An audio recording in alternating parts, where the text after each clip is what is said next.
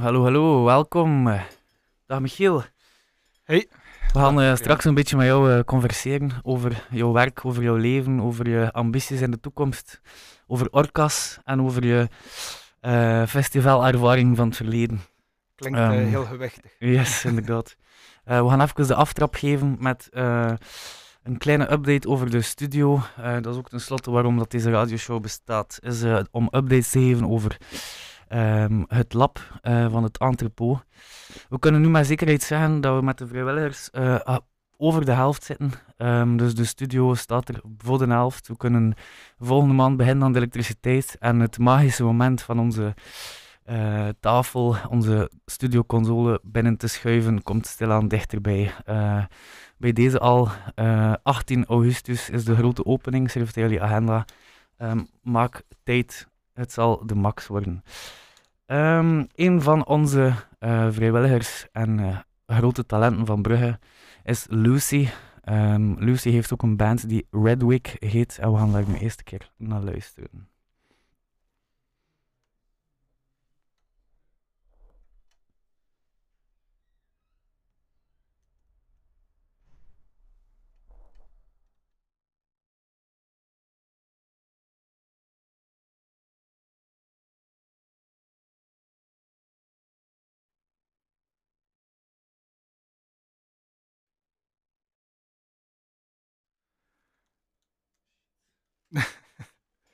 Je moet nu even eh, Niel erbij eh, roepen. Straks komt Lucy eraan. Lucy komt er inderdaad zo aan, maar er blijkt eh, een technisch probleem te zijn met het geluid. Again.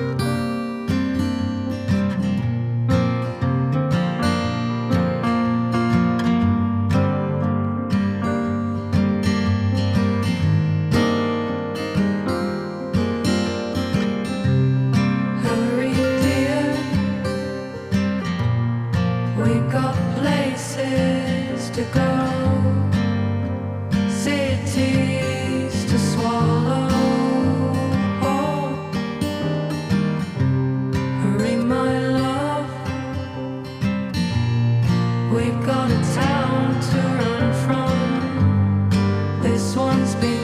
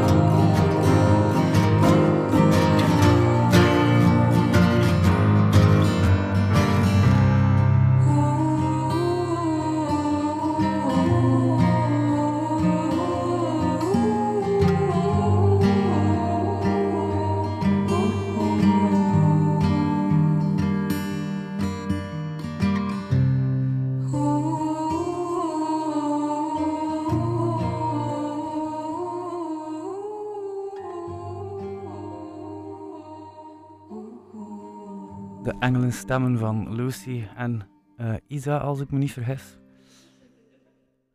Ehm, ja, daar kijken we naar uit om eh, daarmee aan het werk te gaan in de studio. Eh, we weten van Lucy ook dat ze ook bezig is aan een solo-project. Ehm, ja, dat gaat fantastisch worden. Ik hoop dat we met de studio in het lab haar een plek kunnen geven om dat eh, ten volste te gaan eh, ontplooien. Ehm, Michiel, je hebt voor ons muziek meegebracht. We gaan daar straks eh, veel meer over vertellen ook. We gaan beginnen met een nummertje van Nick Cave. Waarom Nick Cave, dat horen jullie straks. Ehm, here we go.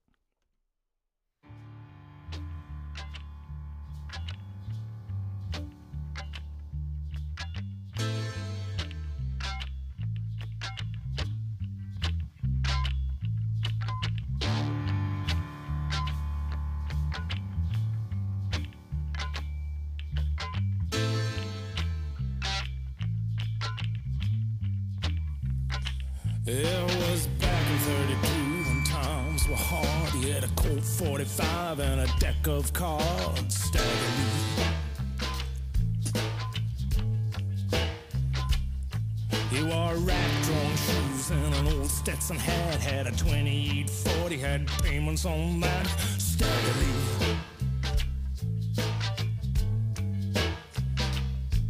His woman threw him out on the ice and the snow, and she told him never ever come back no more. Steadily.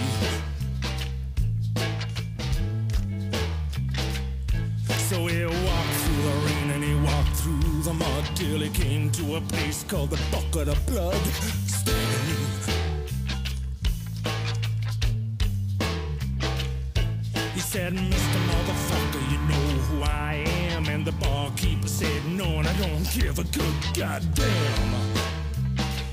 Stagger Lee. He said, Well, bartender, it's a plain to see. I'm the bad motherfucker called Stagger Lee. Mr. Stagger Lee.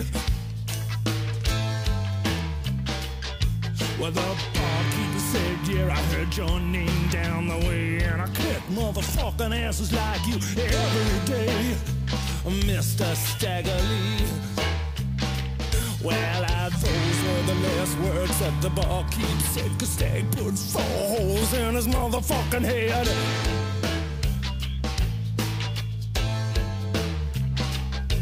Just then in came a broad called Nellie Brown, known to make more money than any bitch in town. She struts across the bar, hitching up her skirt over to Stagger Lee. She's starting to flirt. Oh, Stagger Lee. She saw the barkeep, said, Oh God, he can't be dead. Stag said, Well, just count the holes in the motherfucker's head. You ain't look like you're scored in quite a time when I come to my bed. It won't cost you a dime, Mr. Staggerly. But there's something that I have to say before you begin. You have to be gone before my man Billy Dilly comes in. Mr. Stagger Lee. I'll stay here till Billy Dilly comes until time comes to pass. And furthermore, fuck Billy Dilly in his motherfucking ass, said Stagger Lee. I'm a bad motherfucker, don't you know? And I'll crawl over 50 good pussies just to get to one fat boy's asshole, said Stagger you must be the man motherfucker called Stagger Lee. I'm Stagger Lee. Yeah, I'm Stagger Lee, and you better get down on your knees and suck my dick, because if you don't, you're gonna be dead. Said Stagger Lee. Oh, well, Billy Billy dropped down and slobbered on his head, and Stig filled him full of lead.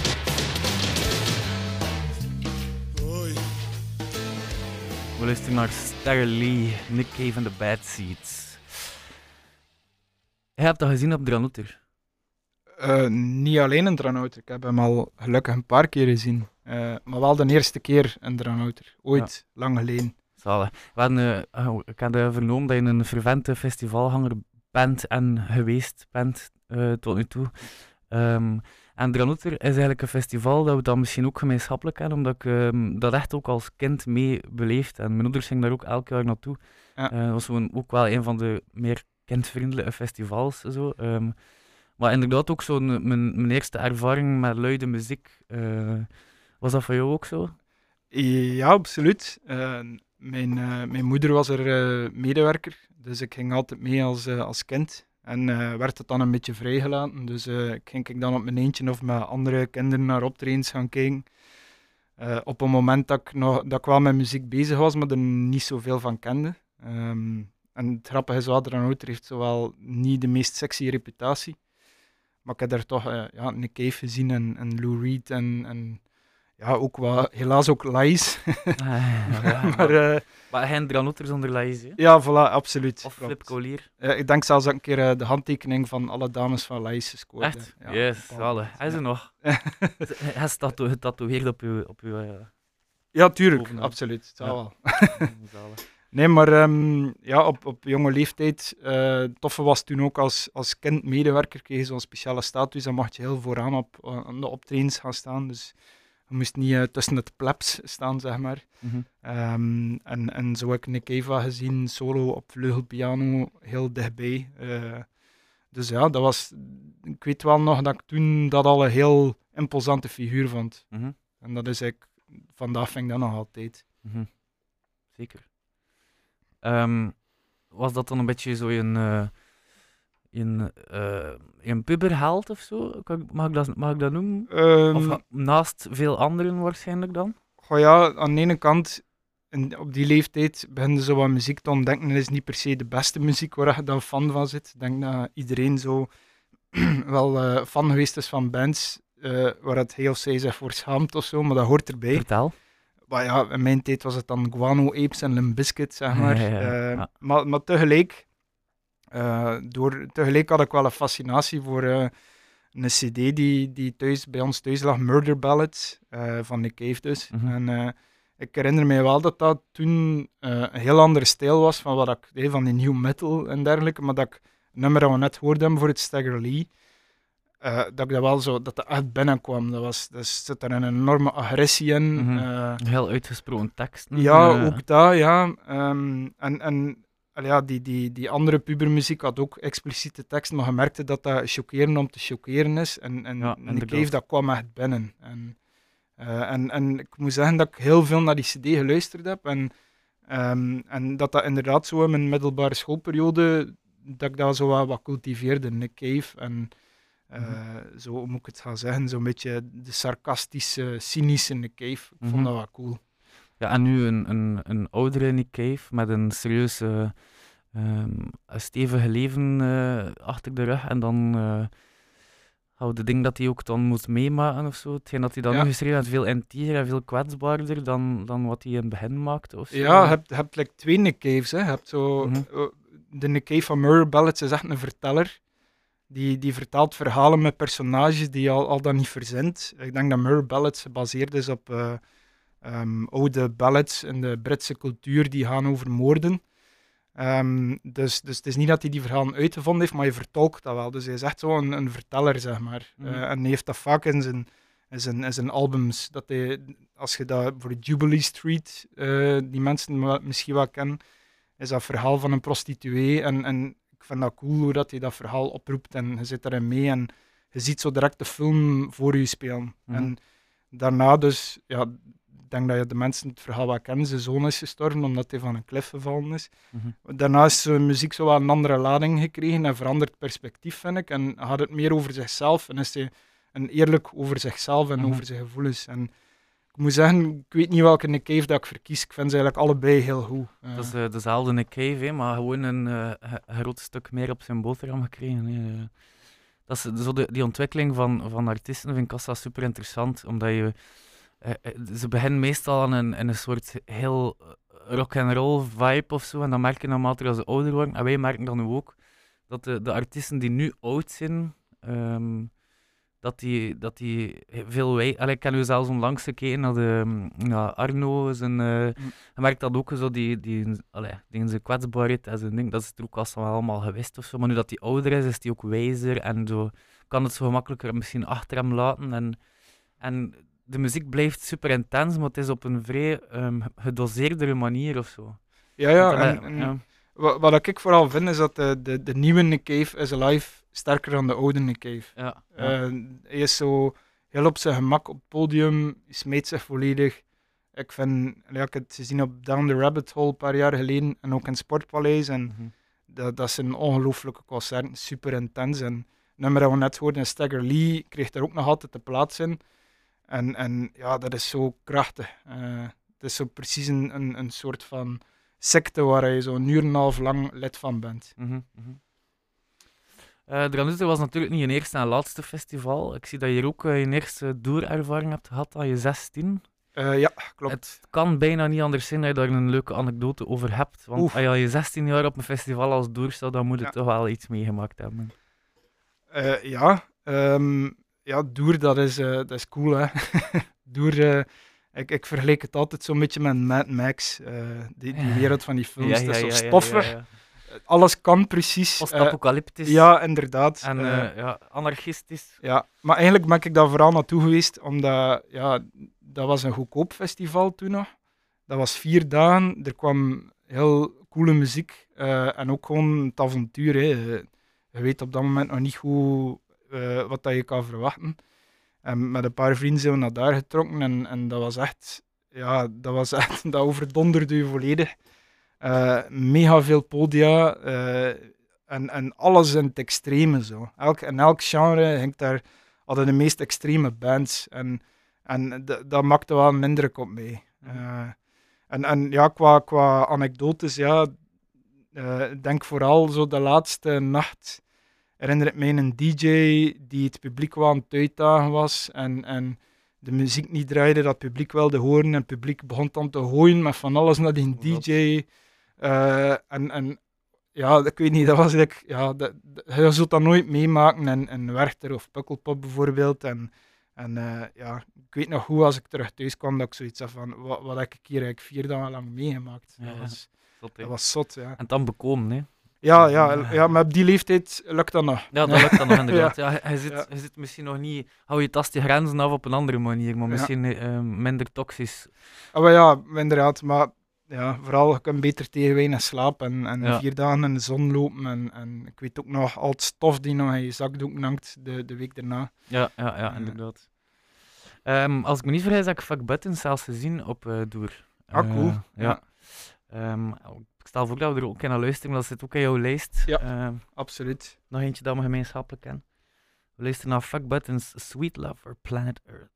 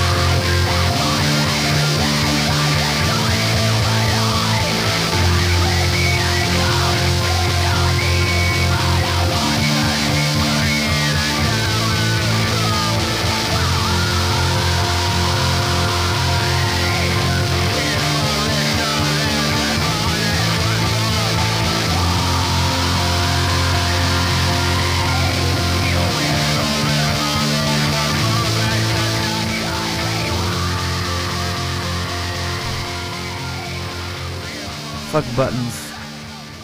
Ja, cool hè. Ja, jong.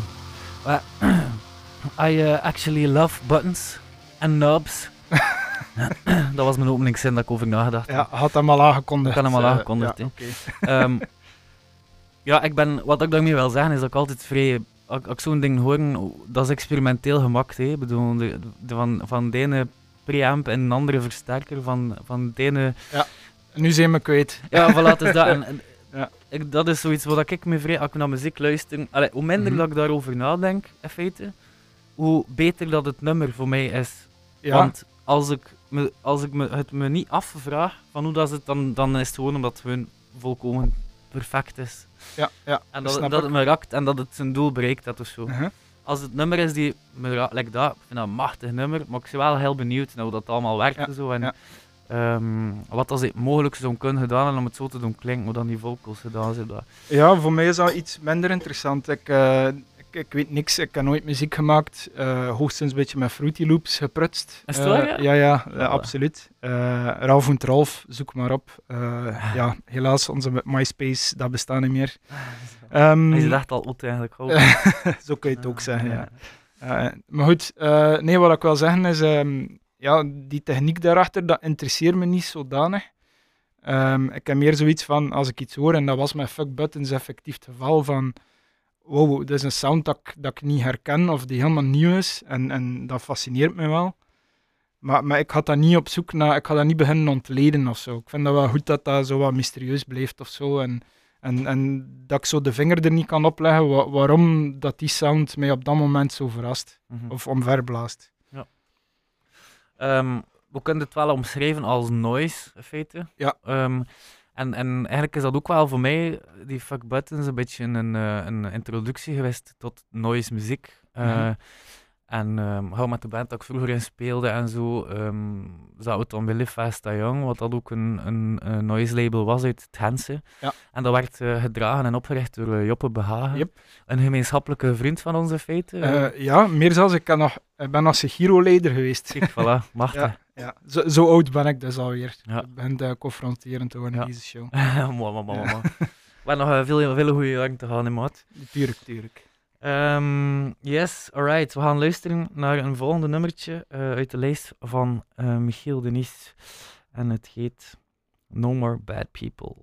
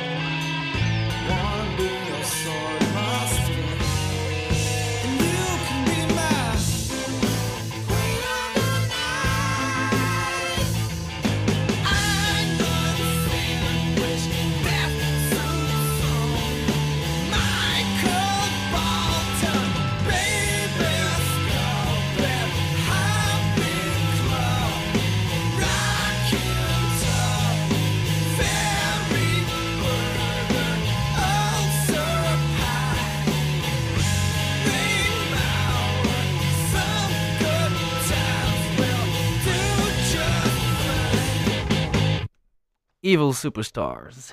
Yep, eentje uit de jaren 90. Wat doet die band met jou? Ehm, wel, dat is zo'n een, een band die, als ik jong was, eh, dat, is de, dat is trouwens het eerste nummer van hun eerste album. Ehm, ik heb dat niet bewust meegemaakt, voor alle duidelijkheid, in de jaren 90, toen was ik nog wat te jong. Maar het is wel iets dat ik, dat ik op latere leeftijd wel ontdekte. En dat album is eigenlijk niet zo heel goed geproduced, denk ik. Het is wat slordig allemaal, het schiet alle kanten uit. Het is een mengelmoes van heel veel genres. Je hoort, het is, het is rock, het zit een beetje stoner in, het zit wat zo van die Frank Zappa-achtige structuren in. Ehm, Er zit eh, een vleugje Queen in. ja, ook ja, maar en, en het zit, zit humor in. eh, en het zijn duidelijk gasten die zichzelf niet te serieus pakken en Ja. die heel veel plezier in. Ehm, maar je dan ziet wie dat er in die band zat. Eh, dat was Tim van Hamel, die dan later miljonair eh, gestart is. Eh Mauro Pavlovski, dat vind ik nog altijd de zaligste artiest dat er misschien rondloopt in België. Ehm, en, en Aldo Struif, die dan ook nog met Mark Lanigan en al gewerkt is. Mhm. Dus ja, ik vond dat, vond dat echt een heel coole band. En, en ik wou, ik wou voor specifiek dat nummer. Het is niet een beste nummer of het is niet een, een meest singlewaardige nummer of zo, maar het was wel zo. Dat, dat album greep me direct bij de keel van in het begin. Ik had zo echt iets, wow, dat is echt cool en, en fris. En, Mhm. ja, en, Ja, dat is wel iets dat in België wel eh, ehm, zeker mag benoemd worden. Dat eh, frisheid van muziek en op zoek gaan naar, naar het randje, dat toch wel altijd eh, geweest is. ja, ja. dat in de Belgische muziekscene echt wel iets is om, om te, die bewonderenswaardig is. Ja. de ontwikkeling. Ik ben ook heel benieuwd wat er eigenlijk de afgelopen jaar allemaal gaat geschreven zijn. Want er gaat volgens mij bijzonder veel uitkomen. Er is heel veel geschreven. Er is misschien minder gerepeteerd, maar goed. eh, muzikanten kunnen hard werken en kunnen in korte tijd heel veel eh, neerzetten. Maar ik ben er wel zeker van dat, we, dat, we onze, dat onze mond gaat openvallen eh voor wat er allemaal gaat released worden. En vooral de energie, hè. 2020. ook al heb je niet veel gerepeteerd. ik heb ook nog, ja, voor het miljonair om nu bij Evil Superstars te blijven, ooit te zien op Werchter en, en Tim van Hamel als strand zat. En dat zong en speelde naast de maat, maar omdat hij met zoveel overgave deed, was het toch een cool op. Ja, ja, het is dat. Maar ja, de- ja, dat is inderdaad. De, de juistheid en de correctheid van wat gespeeld wordt is ook niet altijd per se het allerbelangrijkste. Maar Nee, de het overtuiging. feit dat hij daar eh scheef eh, op het podium stond, wil daarom niet zeggen dat ze daar super hard gewerkt hebben en, en die ook niet goed gerepeteerd dan of zo. Nee, nee, dat dat is zeker eh, niet onderschatten. Nee. Ehm bon, Michiel, je zit de, de chef communicatie in het entrepot. Ehm, de website, eh, de social media, de persberichten, de, noem maar op. Dat Ja. gebeurt allemaal achter de schermen. Dat is bijzonder veel werk. Dat is eigenlijk iets dat de gemiddelde, ik ga het woord gebruiken, consument van het entrepot eigenlijk niet beseft. Ehm, of op zijn minst vanzelfsprekend neemt dat die dingen er zijn, maar er komt heel veel werk in. Ah, het is goed Ehm, als het niet beseft, natuurlijk. Voilà, het is dat inderdaad. Ja. Eh, eh, hoe eh, dat entrepot geven is natuurlijk niet wat je al heel je leven. Hoe lang werk je nu bij het entrepot? Even voor de duidelijkheid. Ehm, ja, het lijkt langer, maar ik denk deze zomer gaat dat drie jaar zijn. Drie jaar. Ja. ja. Ja. Ja, en sinds dat je hier bent bij ons, allee, het is precies of dat ik al langer werk met die vraag stel, maar ik ben dus bij jullie gekomen. Ehm, is er ook wel al heel veel wat veranderd, eh, als Ja. ik het goed begreep. ja, de structuur, allee, er zijn nieuwe festivals ontstaan, eh, Signaal en Convoy. Eh, dus dat was direct al een hele grote uitdaging voor mij als ja, beginneling bij het entrepot van hoe gaan we dat nu gecommuniceerd krijgen. Eh, Ik denk ook dat er veel meer met participatie wordt gewerkt en, en dat mag ook wel tot uiting komen en wat dat we naar buiten brengen. Allee, ja, hij is zelf bezig met de studio, eh je krijgt daar hulp van door een community van jonge artiesten. Ja. Ehm, Villa Bota hier ook. Ehm, cool hoeveel man dat er hier ja, zo enthousiast mee bezig zijn.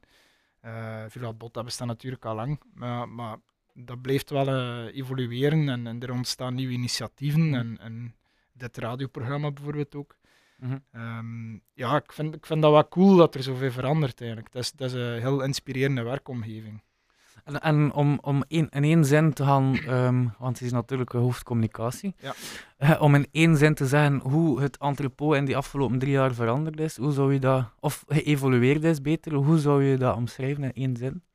Oef. eh, nog chaotischer. maar ik bedoel dat eigenlijk positief. Ehm, Ja? ja? ik denk dat, dat vroeger ehm, dat, dat een vaste productie zat en eh, dat alles daarop afgestemd werd. En nu ehm, is er veel meer ruimte voor initiatief van jongeren zelf. En zetten we die deur ook veel meer open Mhm. en laten we het ook blijken dat we die deur open zetten. Ja, en de juiste culturele term, het eh, bottom-up principe. in Ja, maar dat we ook bewust niet zijn. Ja, ja, ja, het is dat. Maar het is, ja, het is, het is, eh, het is inderdaad zo dat, eh, dat het nu aan, aan de jonge mensen is waarvoor wij het eigenlijk doen om eh, de beslissing te maken. Laat Ja. ons zeggen dat wij altijd voor hen hebben gewerkt en nu dat we het Ja. effectief ook zo gaan doen. Eigenlijk, eh. Ah, wel, en, en dat wil ik wel nog een keer benadrukken, inderdaad. Dat, dat als, als, als er iemand luistert en er is een idee van ik wil dat doen in Villa Bota, in, in het entrepot, in, in de tank of noem maar op.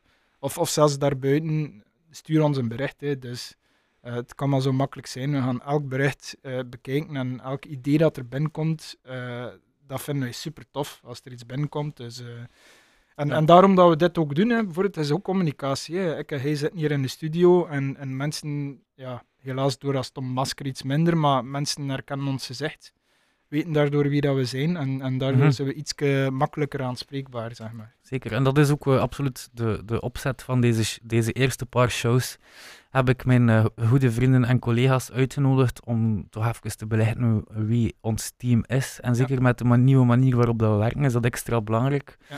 Eh, ook voor de mensen die de nieuwe website nog niet hebben gezien, zeker in. Er is heel veel werk ingekropen. En ehm, ja, hij, hij- het, het beschrijft alles heel goed. Het ziet er, allee, de, de, de doelstelling bewijst zichzelf op de website dat het gaat om jullie. Ehm, Voilà. Maar voor eh, je carrière bij het entrepot heb je natuurlijk ook nog heel wat andere dingen gedaan. Absoluut. Ehm, naast studeren in Gent en daar eh, het zwijn uitgehangen en de, ehm, de vrouwtjes gaan versieren, heb je nog eh recensent geweest ook, eh, bij Ja. Riveraf. Ja, ik denk dat ik dat al zeven jaar gedaan heb. Zeven jaar, ja, kijk, voilà. Ja, eerst eh, stage gelopen daar en, en dan als vrijwilliger. Wart ook trouwens. Eh Mhm. Wart eh, is even oud als ik en was toen ook recensent. En ehm, ja, vertel ik je wat meer over, hoe is je daarbij gekomen? Maar ja, dus door stage te lopen en daarna nadien eh, ben ik dat blijven voorschrijven en dat was de max, hè, want eh, je krijgt elke maand zoveel cd's. Ja, er waren toen nog cd's dat je moest recenseren eh, of, of je mocht interviews doen. Eh, ik stuurde elke maand mijn lijstje naar de hoofdredacteur van eh, die platen zou ik graag in mijn vakje krijgen. En die band zou ik heel graag interviewen. En, En die, die cd's en platen waren dan ook voor jou, van jou? ja, die kreeg ik. En, Amai, en ik mocht ook gratis naar optredens. Ja. Wat toen zeer interessant was. Hè. Dat was een lijstje doorsturen, op de guestlist staan. En, ja.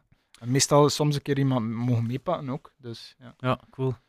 Er is eh, qua jonge recensenten van, van jouw leeftijd toen en, en de misschien.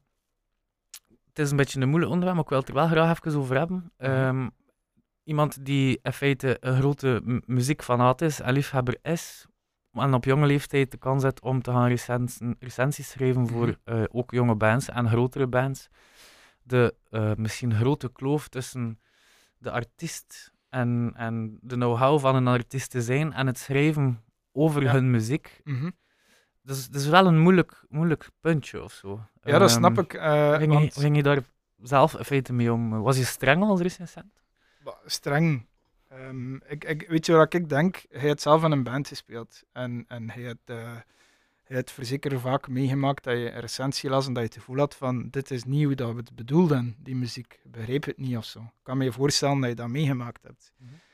Maar ik denk ook dat, dat ehm, een recensent schrijft niet voor de band.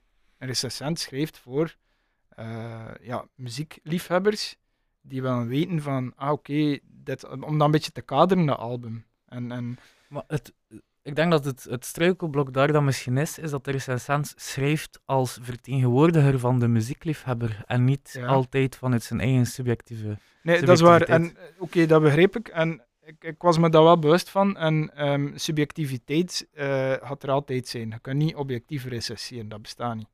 Ik denk, eh, ja, iedereen heeft zijn eigen bagage. Ehm, veel hangt ook af van de recensent, van hoe voelt hij zich op dat moment bijvoorbeeld. Als hij beluistert, beluistert hij aan de auto, beluistert hij met een koptelefoon op een goede soundsystem enzovoort.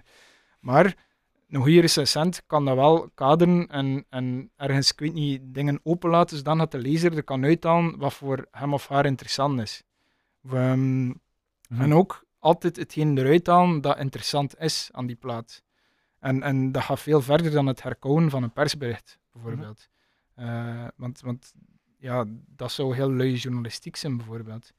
Dus ik denk dat de, dat de taak is van een goede recensent om, om, om eerder te focussen op wat is interessant, in plaats van heel snel te vervallen van goed of slecht of Mhm. ja, iets in die aard. Ja, dat is, eh ga ik al volledig mee akkoord. In Ja. feite, een recensie gaat niet over als het goed of slecht is, al dan niet. Het gaat over inderdaad alles wat, al het voorgaande. Ehm, Nee, tuurlijk. En, en ook recensenten ehm, hebben niet liever dan dat de muziekwereld in België bijvoorbeeld dan heel ja, bloeit. Hè? Dus, dus ik denk niet dat er ooit één recensent is geweest die zegt van ik ga je een keer even die band onder het slijk. Dat, ik weet dat dat soms het cliché lijkt. Ehm, mhm. de- trouwens, een heel interessante scène ook in de film Birdman. Ik weet niet of je die nooit gezien hebt. Ja. Tijdje geleden. het hoofdpersonage gaat in een bar, komt daar een recensent tegen en die recensent zegt zo van, hey, het komt een beetje op neer dat ze zegt van, ja, ik heb hier al mijn recensie klaar van je stuk, trekt op niks. En hij, hij geeft daar dan een uitbrander of zo, maar, maar dat, dat clichébeeld, daar geloof ik niet echt in. Mhm. Ik denk niet dat er één recensent is die, die denkt van, ik ga hier een keer mijn macht eh, ontplooien en, en die band uh, en haar carrière kapot maken. Mhm. Ik denk niet dat dat bestaat eigenlijk. Ehm, waarschijnlijk niet, nee. Ja. Ehm, ja, het, het cliché die er rond bestaat is inderdaad ehm, gasten die eh, achter de schermen muziek maken, die er niet voor durven uitkomen, of die net niet bij die ene happy few 1% Ja. horen. Snap ik. Dat is zo het... Ik zeg niet per se dat ik daar Ja. zo over denk, of dat er veel mensen die met muziek bezig zijn daar zo over denken, maar ik denk dat de cliché daar ergens wel rond bestaat. Ja, maar Dat zal, een- dat zal ook wel ergens kloppen. Dat hè. de heel Eh, kritische recensent ehm, net degene is die net daar niet geraakt is zelf. En Ja. dan... eh, Ja, voor mij persoonlijk vond ik het wel net goed dat ik, dat ik geen muzikant was en dat ik die ambities ook niet had. Ja. Dus dat, dan kon ik dat, dat eh, argument sowieso al van tafel vegen, zeg maar. mhm, ja. Alleen, zoals ik daarnet ook zei, eh, wat dat er technisch allemaal gebeurt in de studio en dit en dat, dat, dat interesseerde mij dan inderdaad minder en dat geef ik ergens ook wat toe. Mhm. Eh, maar uiteindelijk is het ook gewoon, een, een muzikant moet zijn muziek ook kunnen loslaten. En het moment dat je dat de wereld instuurt, heb je geen controle meer erover van, van eh, hoe gaan mensen dat interpreteren. En, en gaan mensen wel doorhebben dat ik daar eh, twee jaar aan gewerkt heb, bij wijze van spreken. Nee, de luisteraar legt dat op en dat doet iets met die luisteraar of doet niets. En, en daar gaat het uiteindelijk wel om. Als je dat loslaat, ja, dat is een, ik kan mij wel inbeelden dat dat een heel angstaanjagende gedachte is voor een muzikant. Ja, absoluut. Ja. Als er eh, jongeren zijn die, ehm, of mensen zijn die ehm, geïnteresseerd zijn in dat soort dingen, die graag eh willen zelf eh, recensies schrijven, je kunt altijd terecht bij Michiel. Ehm, die zal je wel een beetje op weg helpen en met de do's en don'ts in een recensie, want die zijn zeker belangrijk om achter de hand te nemen wanneer je een recensie schrijft. Bijvoorbeeld benadrukken dat het subjectief is. Nooit op de persoonlijkheid of karakter gaan bekritiseren van artiesten, maar het louter hebben over de muziek. Ik heb het gevoel dat je een beetje aan het projecteren Eh, zit op jezelf.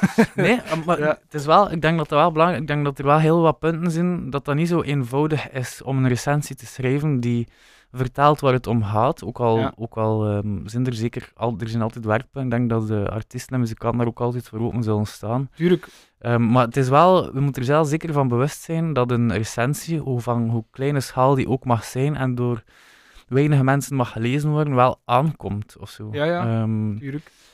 eh, kritiek is belangrijk en noodzakelijk, maar ook. eh, ik zeg niet per se dat die, dat die, dat die moet bepamperd zijn of zo. Hè. Het mag eerlijk zijn, maar het moet. Het mag niet zo te gemakkelijk Ja, maar gegeven worden ook. ja, Ja. ik snap dat wel. Maar ik denk ook gewoon dat je als muzikant ook niet moet ja, van je stuk laten brengen Nee. door een recensie en Ja. de river. Want het is maar een recensie en de river af. En Mhm. Ah, wel, ja, het is dat. Maar ja. inderdaad, dat is voor, misschien voor de recensent zo, maar voor de muzikant kan dat misschien ja, anders ja, overkomen. ja, dat snap ik. voor een beginnende muzikant die zijn tiende show speelt en een recensie moet lezen die Ja. pijnlijk is. ehm, Ja, maar ik, ik denk eerlijk gezegd, hé, zo'n een keer de test moeten doen en een oude riffraff bovenaan. En we zouden een keer alle recensies moeten lezen en kijken hoeveel dat er echt negatief zijn. Mhm. Denk ik dat je daar niet veel eh, negatieve Mhm. zaken in gaat Ja. vinden, eerlijk gezegd. Dat is, eh, om, net omdat we er ook bewust zijn van dat dat pijnlijk kan zijn. Ja, En ik, ja. Dus de No House, ehm, Michiel is your guy. Ehm, je hebt ook ooit de kans gehad om eh, de volgende band te interviewen. Ik ben daar zelf heel grote fan van. En dat is, ook, eh, dat is ook een band die heel coole muziek maakt, heel experimenteel. Ehm, maar die zichzelf ook niet super serieus neemt. In die zin dat ze hun videoclips zijn. Allee, is dat zo één videoclip. Of misschien is dat zelfs live ook zo. Het kan, ik weet het niet. Hij gaat het weten. Waarvan dat de drummer zijn symbaal zo hoog hangt dat hij bijna in de lucht moest springen om eraan te kunnen. Eh, ik zal het afspelen. Ehm, we luisteren naar Battles met Atlas.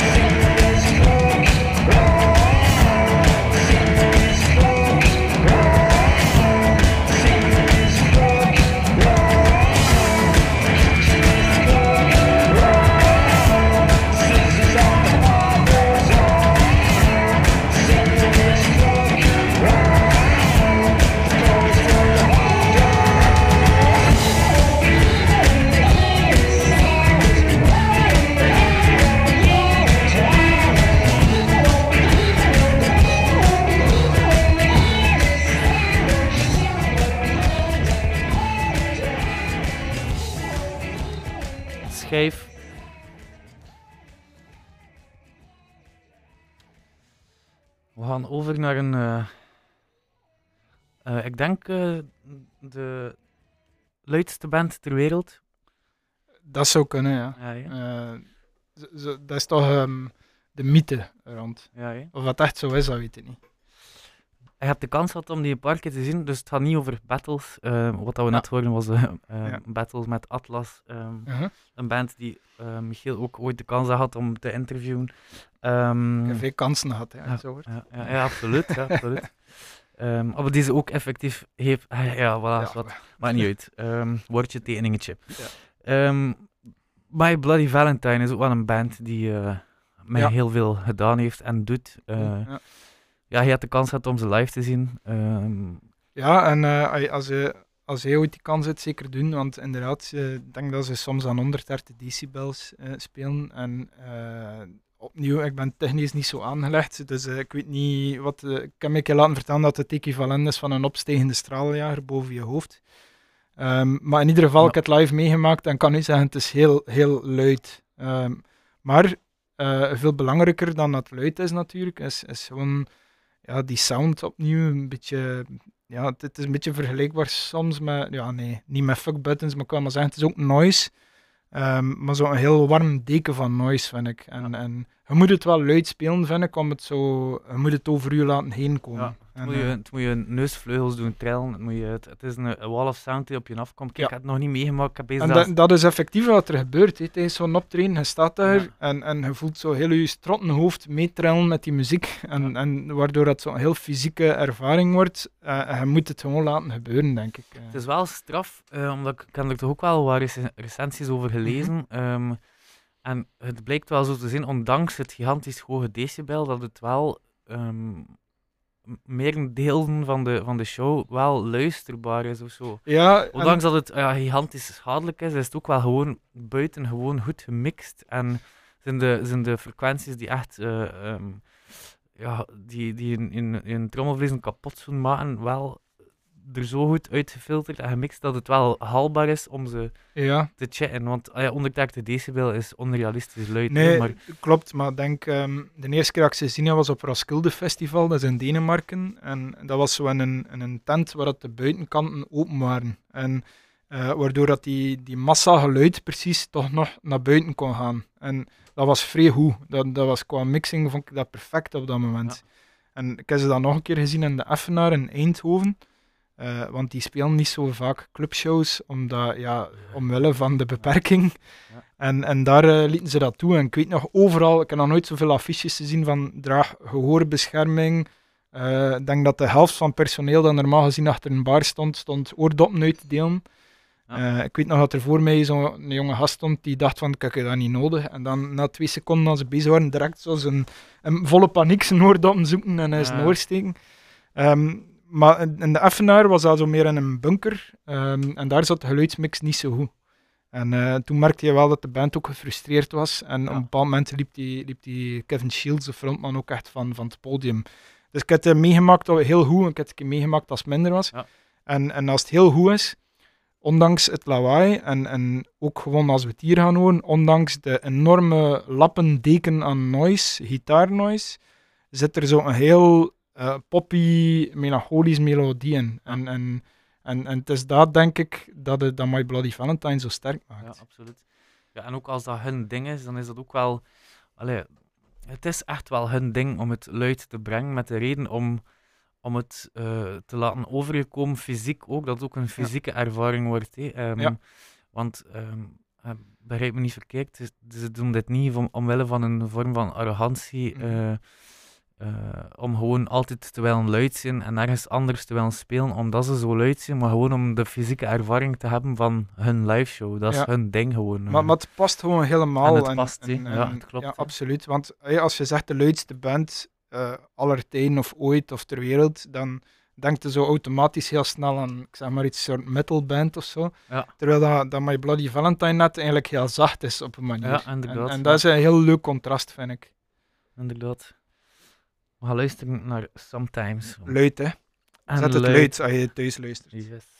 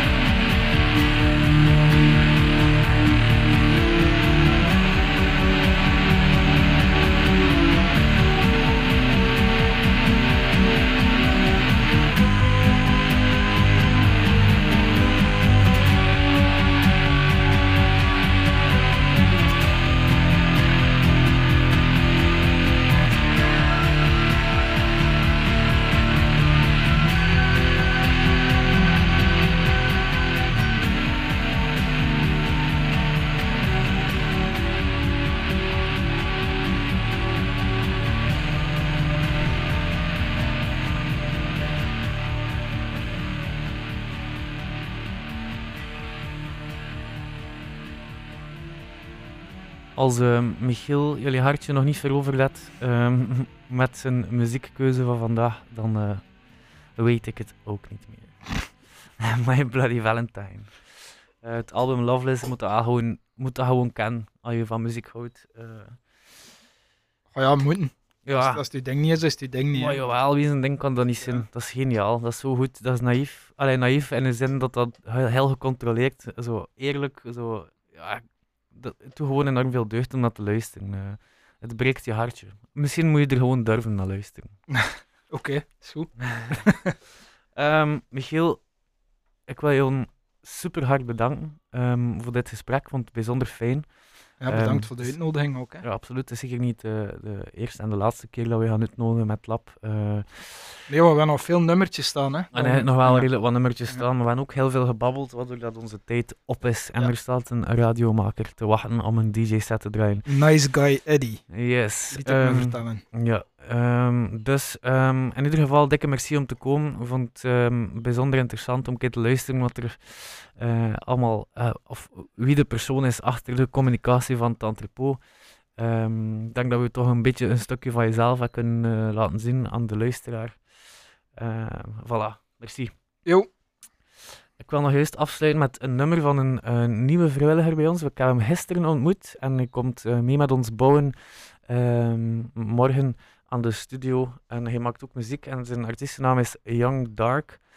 ehm, die intussen op Spotify 57.000 streams zet, wat dat echt niet normaal is. Allee, ik vind dat, ja, dat is wel zot. ja, hij is, is ook wel getekend bij, bij wat labels en zo. Hij is een super jonge gast. Ehm, En Brugs.